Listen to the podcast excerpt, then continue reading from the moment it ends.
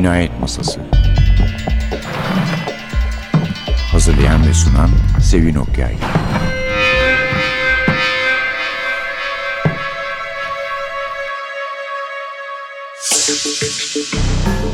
Merhaba, NTV Radyo'nun Cinayet Masası programına hoş geldiniz. Bu hafta size çok sevdiğimiz ama anlaşıldığı kadarıyla yıllardır adını yanlış okuduğumuz bir yazarın yeni kitabını takdim edeceğiz. Yani bizim okuduğumuz şekliyle Joe Nesbo. Halbuki okunuşunun net bir şekilde yazıldığı bir kaynakta gördüğüme göre You Nesbo olarak okunuyor. Kardan Adam kitabımızın adı The Snowman. Baş karakterimiz, kahramanımız elbette UNESCO'ya dünya çapında şöhret getiren bir negatif karakter aslında. Ama okurları onu çok seviyor. Bir polis Harry Hall. Harry Hall işinde de iş dışında da sorunlu birisi. Sevgilisi Raquel'den ayrıldığından beri bütün morali bozuk. İçmemeye çalışıyor. Bir 92 santim boyunda kısacık sarı saçlı. Kendi spora vermiş oyalamak için. Bayağı zayıflamış biz görmeyeli. Yeni de bir ortağı var. Bergen'den Oslo'ya gelmiş Katrin Bratt. Kardan Adam Doğan kitaptan çıktı.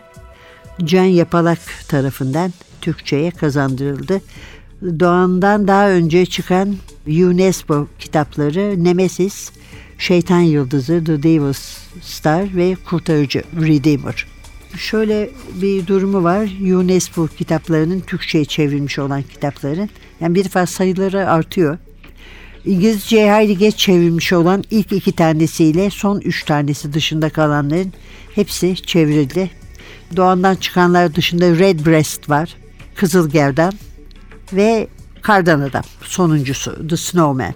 Bu kitap karla yakından ilgili özellikle ilk karla çünkü ilk karla birlikte bazı evlerin bahçesinde kardan adamlar beliriyor. Bu evlerdeki anneler kayboluyor. Geriye çocuklar kalıyor.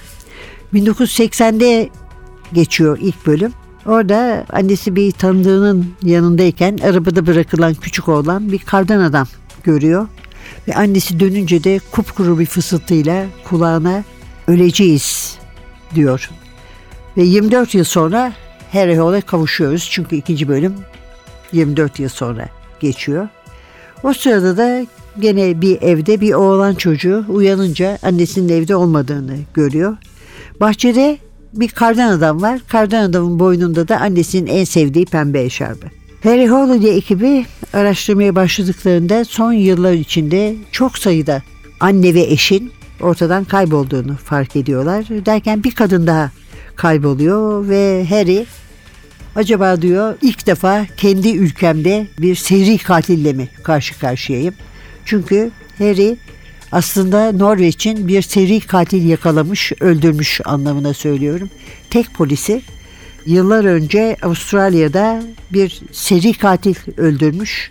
Bu sayede ülkesinde de daha meşhur olmuş. Ama kardan adam onun e, Norveç'teki ilk seri katili olacağı benziyor.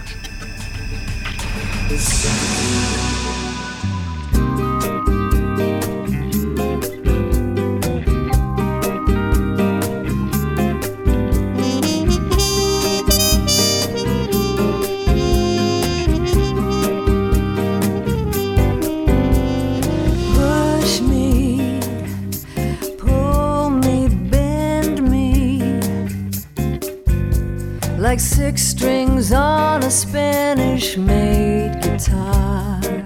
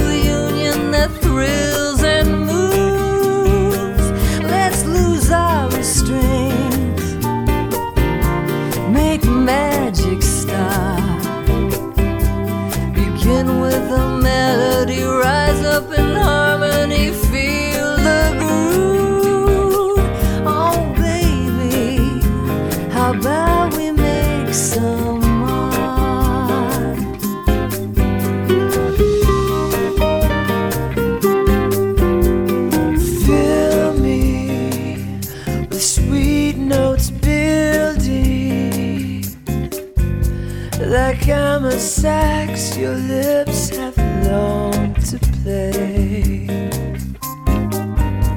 Sultry, you possess me with the rise and fall of every breath you take. If love is like music, a magical union that thrills and let's lose our restraint. Make magic start. Begin with a melody, rise up in harmony, feel the groove. Baby, how about we make some more?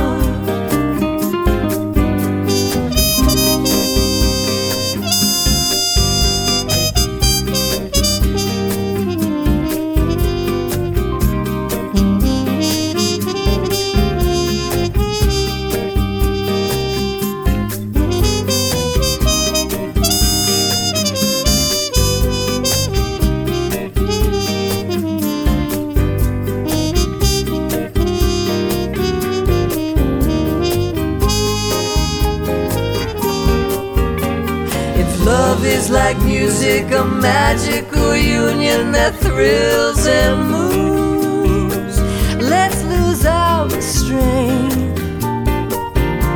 Make magic start. Begin with a melody, rise up in harmony, feel the groove. Oh, baby, how about we make some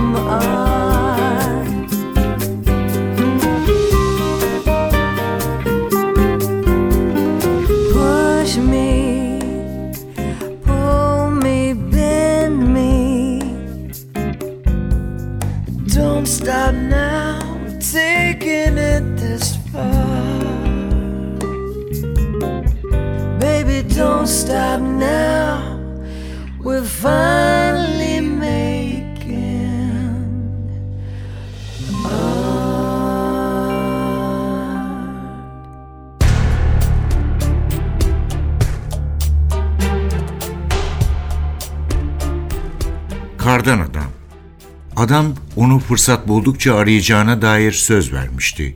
Sara onun iyi bir yalancı olduğunu biliyordu ve ilk kez bundan memnundu. Daha arabaya binmeden arka koltuktaki oğlunun beti benzi atmış bir halde ona baktığını gördü. Kapının kolunu çekti ama kilitliydi. Şaşırdı. Buğulu camlardan arabanın içindeki oğluna baktı. Çocuk ancak annesi cama vurunca kilidi açtı. Sara şoför koltuğuna oturdu. Radyo kapalıydı ve içerisi buz gibiydi. Anahtar yan koltukta duruyordu. Oğluna döndü, yüzü solgun, alt dudağı titriyordu. Kötü bir şey mi oldu diye sordu. Evet dedi çocuk. Onu gördüm. Küçük bir çocukken eşiyle kanepede televizyon izlerlerken aralarına sokulup elleriyle gözlerini kapadığı zamanlardan beri duyduğunu hatırlamadığı korku dolu tiz bir sesle konuşuyordu oğlu. Oysa artık sesi kalınlaşmış, annesine iyi geceler öpücüğü vermeyi bırakmış, arabalara ve kızlara ilgi duymaya başlamıştı. O da günün birinde kızın biriyle arabaya atlayıp onu terk edecekti. Ne demek istiyorsun? diye sordu Sara, kontaktaki anahtarı çevirerek. Kardan adam. Motordan ses gelmeyince birden paniğe kapıldı. Neden korktuğunu bilmiyordu. Ön camdan dışarı bakıp anahtarı tekrar çevirdi. Akü mü bitmişti? Peki neye benziyordu bu kardan adam diye sordu. Gaz pedalına abandı, anahtarı öyle sert çevirdi ki kırıldı sandı. Oğlunun cevabı motorun gürültüsü içinde kayboldu. Motor çalışınca arabayı vitese taktı ve bir an önce gitmek istermiş gibi debriyajı bıraktı. Tekerlekler yumuşak, sulu karda patinaj çekti. Gaz pedalına daha da yüklendi ve araba yana savruldu. Sonunda lastikler asfaltı kavradı ve araba yalpalayarak yola çıktı. Babam bizi bekliyor dedi. Acele etmemiz lazım. Radyonun düğmesini çevirdi ve içerideki soğuk hava kendi sesi dışında bir şeyle dolsun diye sesini açtı. Ronald Reagan'ın önceki gece Amerika'daki seçimde Jimmy Carter'ı mağlup ettiği haberini yüzüncü kez tekrar ediyordu bir spiker. Çocuk bir şey daha söyledi, Sarah aynaya baktı.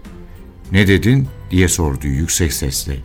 Çocuk tekrar etti ama o yine duyamadı. Kasabanın içinden iki kederli kara çizgi gibi geçen ana yola ve nehre doğru ilerlerken radyoyu kapattı.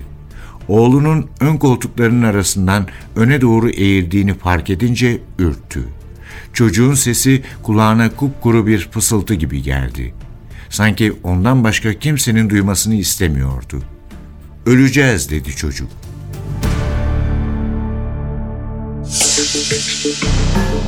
UNESCO Kardan Adam kitabımız ve yazarımız. Kardan Adam eleştirmenlerin çok beğendiği bir Nesbo kitabı oldu. Bazıları bunun en iyi kitabı olduğunu söylüyor yazarın. Doğrusu cidden heyecanlı bir kitap. Çünkü işte beklenmedik virajlar alıyor. Adım başı sürprizler var ve Harry de bu kitapta bize biraz daha fazla cazip geliyor. Hem kendisiyle yaptığı mücadele hem de biliyorsunuz yani okuyanlar, sevenler bilir. Maddi çıkar gözetmeyen biri. Üstlerine yağcılık etmiyor hatta tam tersi antipatik geldiğini söyleyebiliriz. Hem kırılgan hem de sert bir karakter. Belki de onun için okurları onu bu kadar çok seviyor ama romanın diğer karakterleri için aynı şeyi söyleyemeyeceğiz.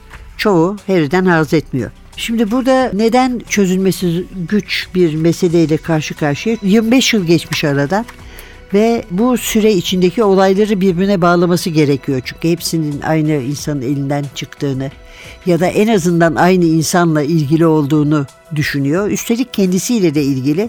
Çünkü iki ay önce posta kutusuna adressiz bir mektup bırakılmış. Şöyle diyor mektupta. Yakında ilk kar yağacak ve o tekrar ortaya çıkacak. Kardan adam. Kar bittiğinde birini daha almış olacak. Şunu sormalısın kendine. Kardan adamı kim yaptı? Kardan adamları kim yapıyor? Murray'i kim yarattı? Çünkü bunların cevabını kardan adam bilmiyor. Mektup bu. Murray'e gelince onlar Avustralya'da yaşayan Queensland'li aborijin halkı. Tek kişi olarak Murray'de ölmeden önce Avustralya'da kadın cinayetleri işlemiş. Sayısını kimse bilmiyor. Bir de Tuvumba var. Bu Tuvumba Murray'nin gerçek adı. Robin Tuvumba ve kendisi Harry'nin öldürdüğü seri katil. Yani mesele hayli karışık ama e, Harry Hall da böyle şeyleri seviyor. Yani karşısında yeterince zeki bir katil olsun, bir suçlu olsun, karmaşık ipuçları bıraksın, mücadele etmesine değsin ve işte ellerinden e, gelen gayretle ve yoğunlukla bu vakaya girişiyorlar. Kendisi, yeni eleman Catherine Bratt, eski meslektaşı Magnus Skare, adli tıp uzmanı Björn Holm ile birlikte aileler arasındaki bağlantıyı ortaya çıkarmaya çalışıyorlar. Bu kadınların bazılarına ilişkin bir bağ var, ortak bağ. O da bir estetik cerrah. Önce Oslo'da bir otele gidiyorlar. Sonra Katya'nın memleketi Bergen'e ulaşıyorlar. Ölümlerin bazılarının rafa kaldırılmış dosyaları var. Bu arada tanınmış bir polis dedektifi de ortadan kaybolmuş. Çocuklar var tabii. Hepsinin arkasından annelerini seven, annelerine bağlı, ihmal edilmiş bile olsalar annelerini çok seven kızlı erkekli çocuklar var. Babalık meselesi Raquel ortaya çıktığından beri Harry kitaplarının öne çıkan bir unsurudur. Raquel'in kocası Rus aslında yani Harry'nin çok sevdiği küçük oğlu Oleg'in babası. Ama gelin görün ki baba Rusya'ya dönmüş. Oleg de babasına karşı hiçbir yakınlık duymuyor.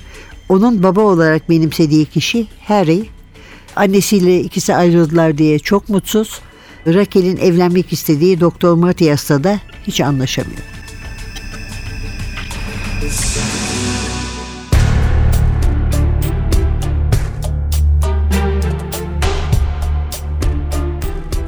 Kim? Ben mi? Harry şaşkın gözlerle ona baktı. Ayrılmak benim kararım değildi. Ee ne olmuş? dedi Raquel barmenden içkisini alırken. Artık beraber değiliz diye Oleg'le görüşmeyecek misin? Sizin aranızda güçlü bir ilişki var. İkiniz de başkalarıyla bağ kurmakta zorlanan insanlarsınız. O yüzden elinizdekilerin kıymetini bilmelisiniz. Harry kolasını yudumladı. Oleg'in senin doktorla arası nasıl? Raquel iç çekerek adım Matyas dedi. Uğraşıyorlar. İkisi nasıl desem farklılar. Matyas yakınlaşmak için çok çabalıyor ama Oleg işleri zorlaştırıyor. Harry içinde tatlı bir memnuniyetin kıpırdandığını hissetti. Matyas da çok çalışıyor. Eşinin çok çalışan bir adam olmasını istemediğini sanıyordum diye cevap verdi Harry. Daha cümle ağzından çıkmadan söylediğine pişman oldu. Fakat Raquel sinirlenmek yerine üzüntüyle iş çekti. Seninki çok çalışmak değil Harry, takıntı. Sen işinden ibaretsin. Dahası seni çalışmaya teşvik eden şey iş aşkı ya da sorumluluk hissi değil. Kişisel bir hırs bile değil. Öfke sadece. İntikam isteği. Bu hiç doğru değil Harry. Böyle olmamalı. Nelere yol açtığını biliyorsun. Evet dedi içinden Harry. Senin yuvana da hastalık taşıdım. Boğazını temizledi. O zaman senin doktor doğru amaçlar uğruna çalışıyor, öyle mi? Matias hala acil serviste gece vardiyası yapıyor, gönüllü olarak. Aynı zamanda anatomi bölümünde tam zamanlı hocalık da yapıyor. Bahse varım kan bağışçısıdır ve Uluslararası Af Örgütü'ne üyedir. Raquel tekrar iş çekti. B negatif nadir bir kan grubu Harry. Ayrıca af örgütünü sen de destekliyorsun, biliyorum. Tepesinde at olan turuncu renkli plastik bir çubukla içkisini karıştırdı. Kırmızı karışım buz küplerinin etrafında döndü. Kırmız böceği. Harry dedi Raquel. Sesindeki bir tını Harry'i gerdi. Matias bizim eve taşınıyor. Bu yılbaşı. Bu kadar çabuk mu? Harry kuruyan dilini ıslatmak için damağında gezdirdi. Ne kadardır birbirinizi tanıyorsunuz ki? Yeterince tanıyoruz dedi Raquel. Yazında evlenmeyi planlıyoruz.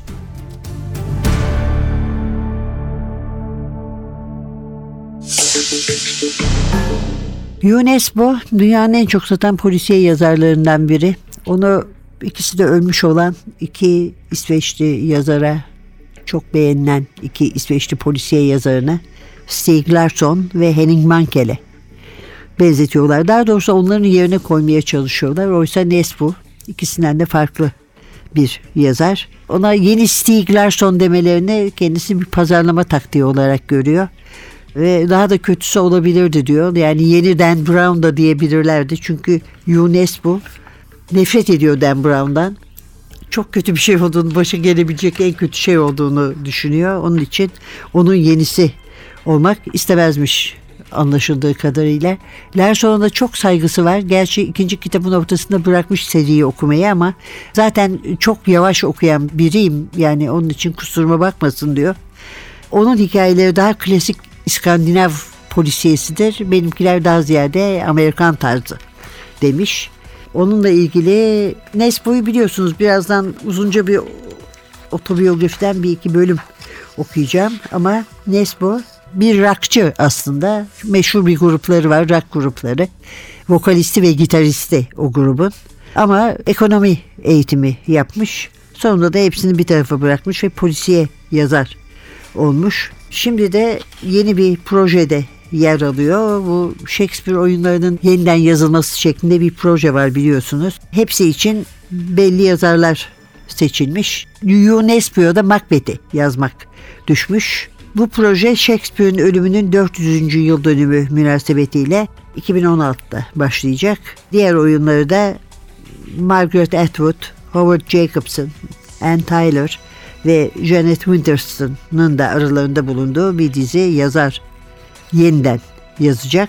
Bizim yazarımız Yu Nesbu Macbeth'in karanlık temalarının kendisine çok yabancı olmadığını söylüyor. Macbeth bana yabancı olmayan bir hikaye çünkü yazmaya başladığımdan beri uğraştığım konuları ele alıyor diyor. Ana karakter hem ahlaklı bir insan hem dejenere bir zihne sahip hem güçlü bir kişiliği var hem de duygusal zaafları hırs ve şüphe el ele demiş. Demek ki sevdiği bir ortamda kalem oynatacak ve Macbeth oyununu kasvetli, fırtınalı bir cinayet romanı ortamında karanlık ve paranoyak bir insan zihninde geçen iktidar mücadelesi, bu mücadeleyi anlatan bir gerilim filmi olarak nitelendirmiş. Ve ne William Shakespeare ne de hikayenin düzenini yakalamaya teşebbüs edeceğim diyor. Ben sadece kullanabileceğim unsurları bulup kendi hikayemi yazacağım. Ve evet kendi öyküme Macbeth adını verecek cesaretim de var. It's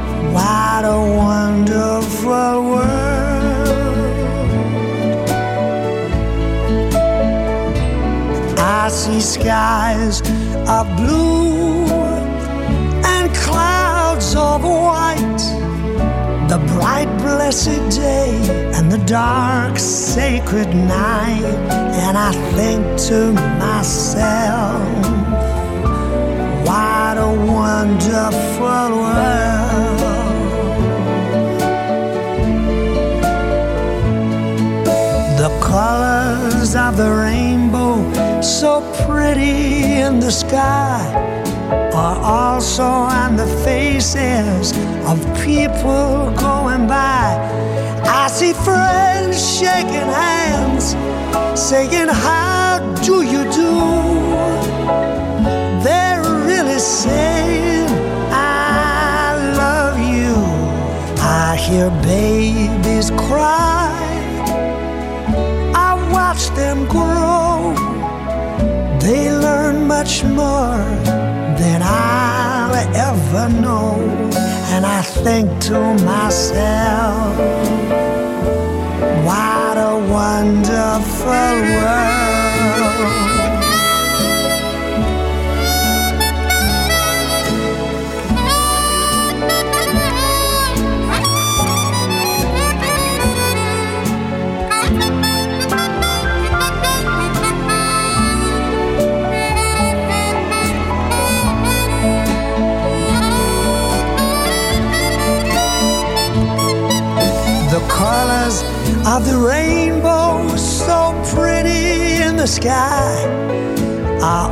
Also on the faces of all the people going by.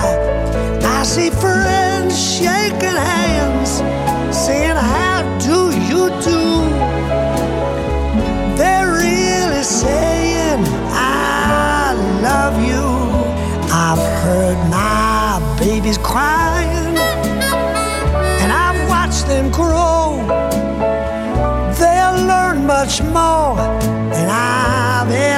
ever, known. And I think to myself, it's a wonderful world.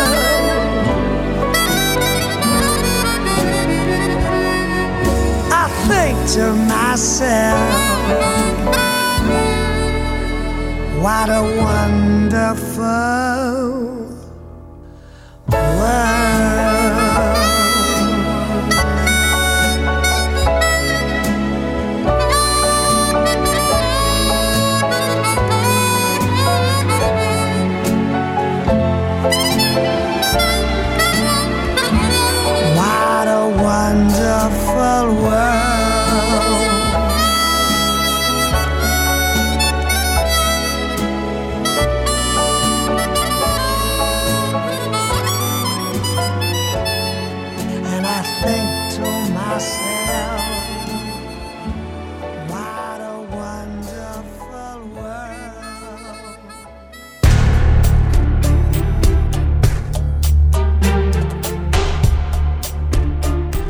Ne söylemeye çalışıyorsun diye sordu Gunnar Hagen saatini kontrol ederek. Bunu dedi Harry. Komiserin masasına sarı bir dosya atarak. Dosya şak diye masaya indi. Hagen öne doğru eğilip zımbalanmış belgeleri karıştırdı. Tanrım, Harry sen öyle rapor yazan biri değildin. Sigara yazdı zaten dedi Harry lafı uzatmadan. Ama çıkarımlar benim ve şimdi sana sözlü olarak hepsini aktaracağım. Kısa tut lütfen. Harry kucağına koyduğu ellerine baktı. Uzun bacakları sandalyenin önünde uzanıyordu. Derin bir nefes aldı. Bunu bir kez söylediğinde artık geri dönüş olmayacağını biliyordu. Çok fazla insan kayboldu, dedi. Hagen'ın tek kaşının sağ yarısı havaya kalktı. Açıkla. Altıncı sayfada açıklaması var. 1994'ten bugüne kadar kayıp olan 25 ile 50 yaş arasındaki kadınların listesi. Son 10 yıldır hiçbiri bulunamamış. Kayıp şahıslar birimiyle görüştüm. Onlar da onayladı. Sayıları çok fazla. Neye göre çok fazla? Eskisine göre. Danimarka ve İsveç'e göre ve diğer nüfus gruplarına göre. Evli ya da bir erkekle aynı evi paylaşan kadınlar kaybolanlar arasında ezici bir üstünlüğe sahip. Kadınlar artık eskisinden daha özgür dedi Hagen. Bazıları kendi yolunu çizmiş, ailesini terk etmiş, başka bir adamla yurt dışına gitmiş olabilir. İstatistikleri bunlar da etkilemiştir. Olamaz mı? Danimarka ve İsveç'teki kadınlar da özgür ama orada kaybolmuyorlar. Hagen iç geçirdi. Rakamlar iddia ettiğin gibi normalin bu kadar üstündeyse neden daha önce kimse bunu fark etmedi? Çünkü Skare'nin rakamları tüm ülke için geçerli ve polis genellikle sadece kendi bölgesindeki kayıplara bakıyor. Kripos'ta kayıp şahıslar için 1800 ismin geçtiği ulusal bir kayıt var. Ancak o liste son 50 yıla ait. Dahası gemi kazalarında ve Alexander Keeland petrol kulesi gibi facialarda kaybolanları da kapsıyor. Sonuç olarak daha önce ülke genelindeki rakamlara kimse bakmamış. Şimdiye kadar hiç kimse. Güzel ama biz tüm ülkeden sorumlu değiliz Harry. Sadece Oslo polis bölgesinden sorumluyuz. Hagen konuşmanın bittiğini gösterir gibi avuçlarını masaya vurdu. Sorun şu ki dedi Harry çenesini kaşıyarak. Oslo'ya da geliyor. Ne geliyor? Dün akşam bir Beker'in cep telefonunu bir kardan adamın içinde buldum. Bunun ne anlama geldiğini bilmiyorum şef ama öğrenmemiz gerektiğini düşünüyorum. Hem de hemen. İlginç istatistikler dedi Hagen. Tabur komutanı Yasuda'nın serçe parmağını farkında olmadan elini alıp baş parmağını üzerine bastırırken. Bu son kayıp vakasını ciddiye almanı da takdirle karşılıyorum. Ama yeterli değil. Şimdi söyle bana, Skare'den bu raporu hazırlamasını istemenin asıl nedeni neydi?''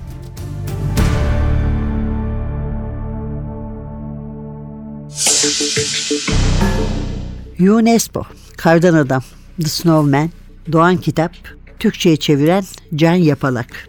Bu hafta bir Nesbo kitabımız var. Ve bu en son bölümde de uzunca bir biyografisi var. Yazdığı bir otobiyografi. Kendinden bahsediyor daha çok. Bu çocukluğu ve gençliği ile ilgili bölümler hoşuma gidiyor. Okuyan ve hikaye anlatan bir aileden geliyorum diyor. Annesi kütüphaneciymiş. Babası da her öğleden sonra oturma odasında oturup okurmuş ve hikaye anlatırmış. Uzun hikayeler. Bazılarını daha önce duymuştuk diyor bu hikayelerin fakat o öyle bir şekilde anlatırdı ki yeniden dinlemek isterdin o hikayeyi. 7 yaşındayken kitaplığın rafından Lord of the Flies'ı çektim ve babama bunu bana oku dedim. Yani zevk sahibi olduğum için değil kapağında bir domuzun kanlı başı vardı bir kaza geçirilmiş. Babam okudu. Ben de bu hikayeyi ben aslında daha ilginç bir duruma getirebilirdim diye düşündüm. Zaten kendi yaşımdaki arkadaşlarımı etkilemeye başlamıştım. Hatta benden daha büyük bazı çocukları da nasıl mı karanlık hayalet hortlak hikayeleriyle. Ama buna karşılık en büyük tutkusu da futbolmuş. İlk önce Molde'de oynamaya başladım. Norveç'te bir Premier Lig takımı. 17 yaşındaydım. Ve Tottenham Hotspur'e transfer olacağımdan emindim profesyonel olarak İngiltere'ye gideceğimden. Okula asmaya başladım. Yani okuldaki lisedeki öğretmenlerime sorarsam benim bir esrar perdesine bürünmüş olduğumu söyleyebilirler. Notlarım da berbattı. Ama kime ne? Ben sporcu olacaktım. Sonra diz bağlarını attırmış. Okulda bitmiş bir bakmış ki yani notları hiçbir şey için iyi değil. Önündeki bir takım meslek yolları, patikaları kapanmış. Derin bir nefes aldım ve Norveç'in en kuzeyinde askerlik yapmak için başvurdum diyor. Üç yıl kalmış orada. Kendime her gece ve her hafta sonunda kapatıyordum. Çok okudum. Hamsun ve Hemingway'de okudum. O vakte kadar hep kabiliyetime güvenmiştim. Ve en kolay yol hangisiyse onu seçmiştim. Ama şimdi kendimde yeni bir erdem keşfettim. Bu da kendimi disipline etmek, disiplin altına almak. O bahar nihayet lise diplomamı elime aldığımda o karnede çok iyi notlar verdi ve daha önce hiç duymadığım duygulara kapıldım. Çok büyük bir tatmin duygusuna kapıldım. Ondan beri de bu zamana kadar da böyle bir duyguya kapılmamışımdır büyük ihtimalle. Şimdi istediğim okula gidip istediğim programa girebilirdim. Ama mesele şu ki ne okumak istediğimi bilmiyordum. İşte bunun üzerine ekonomistlik buradan gelmiş. Bergen'deki Norveç Ekonomi ve İş İdaresi Okulu'na gidip yazılmış. Sonra kafeteryada bir gün bir adam yanına gelmiş. Demiş ki senin için gitar çalıyor dediler. Yok diyor aslında üç akor biliyordum çaldığım falan da yoktu diyor. Ama karşı çıkmadım ona çünkü grup kuruyordu diyor ve işte böylece Detusen Hiem'le Hiem'le başlamış işe. Başka gruplara geçerek hakikaten Norveç'in en meşhur, en sevilen rock grubunun aynı derecede sevinen vokalisti ve gitaristi olmuş. Şimdi de dünyanın en beğenilen polisiye yazarlarından biri. UNESCO, Kardan Adam kitabımız. Belki eskileri de okumadınızsa onlara da bakarsınız. Doğan kitaptan çıktı Can Yapalak'ın çevirisiyle. Evet hala çevirmemiş Nespo kitapları var. Bekliyoruz onları heyecanla. Ben aslında bazılarını yakalarsam İngilizcelerini de okuyorum. Önümüzdeki hafta ama biz başka bir yazarla geleceğiz huzurunuza. Philip Kerr'le. O da son zamanların en azından çevrilen kitap sayısına göre Türkiye'de en popüler yazarlarından biri. Efendim haftaya yeniden cinayet masasında birlikte olmak umuduyla mikrofonda Sevin Masada Atilla hepinize heyecan dolu günler diler diyelim. Kan revan olmasın yani. Hoşçakalın.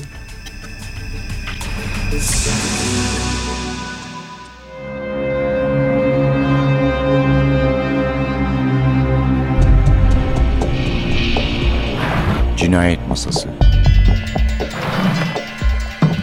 Hazırlayan ve sunan Sevin Okyay